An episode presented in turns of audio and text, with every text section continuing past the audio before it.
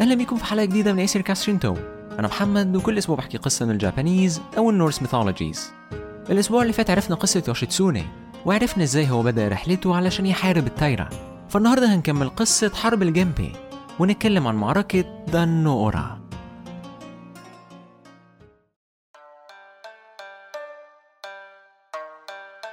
كيوموري كان زعيم قبيلة التايرا وكيوموري كان بيحلم.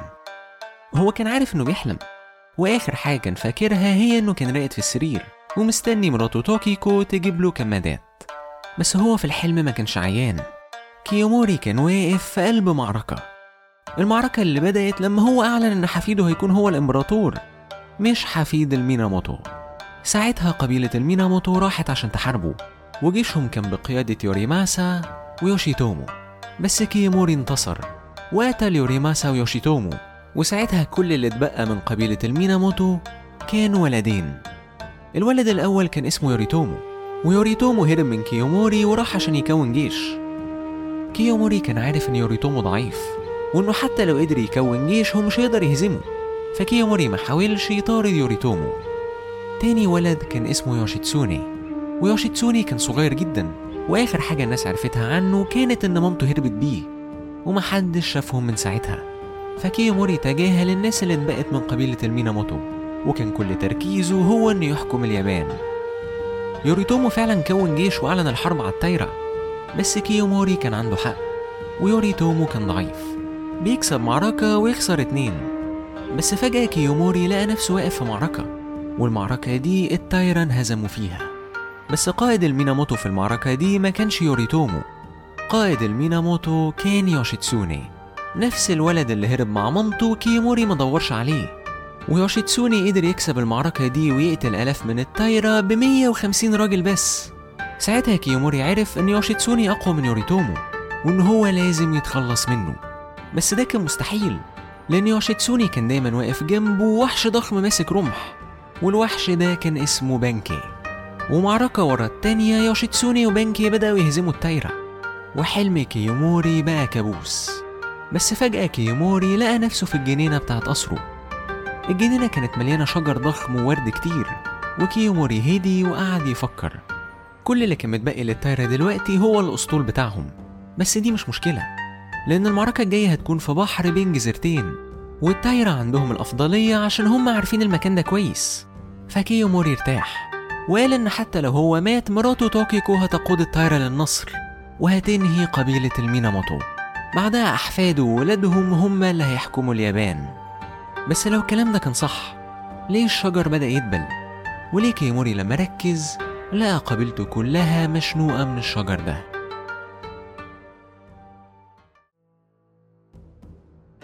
بعد شوية كيوموري مات ومراته توكيكو بقت هي زعيمة التايرا هي كانت عارفة إن المعركة الجاية هتكون في البحر وإن أسطول التايرا عنده الأفضلية.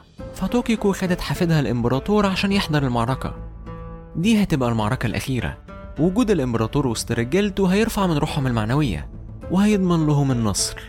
فتوكيكو والإمبراطور بدأوا يتفرجوا على المعركة اللي هتنهي الحرب دي. المعركة اللي هتغير مستقبل اليابان. معركة دانو أورا يوشيتسوني كان قائد سفن قبيلة الميناموتو وكان بينهم وما بين سفن التايرا مسافة ضخمة جدا. يوشيتسوني كان عايز يقرب. ويخلي رجالته ينطوا على مراكب التايرا بس كل ما كان بيقرب منهم مراكب التايرا كانت بتبعد والموج كان في صالحهم. يوشيتسوني كان عارف إن التايرا عارفين المنطقة دي أكتر منه بس هو كان عنده خطة وخلى رجالته يركزوا كل سهامهم على الناس اللي بتسوق السفن. بعدها بدأ يقرب من سفن التايرا مراكب التايرا معرفتش تهرب لأن الناس اللي بيحركوا السفن كانوا ميتين. وأول ما مراكب الميناموتو قربت كفاية من مراكب التايرا يوشيتسوني ورجالته نطوا على مراكبهم. وبدأوا يقتلوا رجالة التايرا يوشيتسوني قعد ينط من مركب لمركب وكل مركب كان بيوصل لها كان بيقتل كل الرجالة اللي عليها. بانكي ما كانش في رشاقة يوشيتسوني فكل مركب كان بيقرب منها كان بيضربها برمحه. وفي ساعتها المركب كانت بتتقسم نصين وكل الرجالة اللي عليها كانوا بيغرقوا. توكيكو وحفيدها خدوا بالهم إنهم بيخسروا بس توكيكو كانت مستعدة وكانت جايبة معاها صندوق خشب فتوكيكو فتحت الصندوق. الصندوق كان مليان طوب وتوكيكو بدأت تملى جيوبها بالطوب ده. بعدها قامت ماسكة حفيدها ونطت في البحر. وأول ما توكيكو والإمبراطور ماتوا المعركة انتهت والميناموتو انتصروا.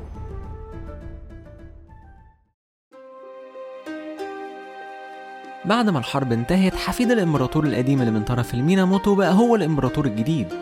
بس هو ما كانش عنده أي قوة. القوة الحقيقية كانت في إيد يوريتومو. يوريتومو كان قائد أقوى جيش بعد الحرب.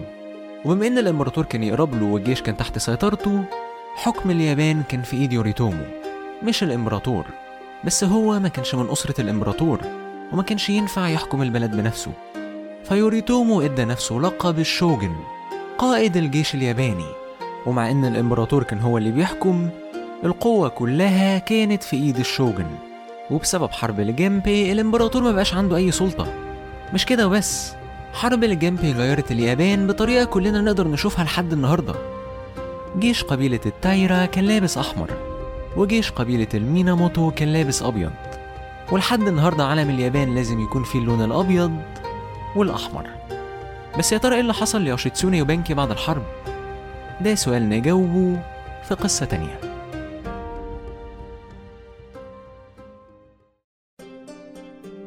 شكرا إنكم سمعتوا Aesir Cast Shinto. لو عندكم أي comment أو feedback أنا أكيد أحب إن أسمعه. ممكن تسيبوا review على Apple Podcasts أو comment على ال Facebook page Aesir Cast Shinto هي واحدة من بودكاست Ansuz Ansuz هي مجموعة من البودكاست اللي أنا بحكي فيها قصص. لو حابب تسمع حلقات زيادة تسمع الحلقات بدري عن ميعادها أو تساعدني نعمل بودكاست أكتر ممكن تدعمني عن طريق Patreon وهسيب ال link في ال show notes وأشوفكم الأسبوع الجاي في حلقة جديدة من Aesir Cast Shinto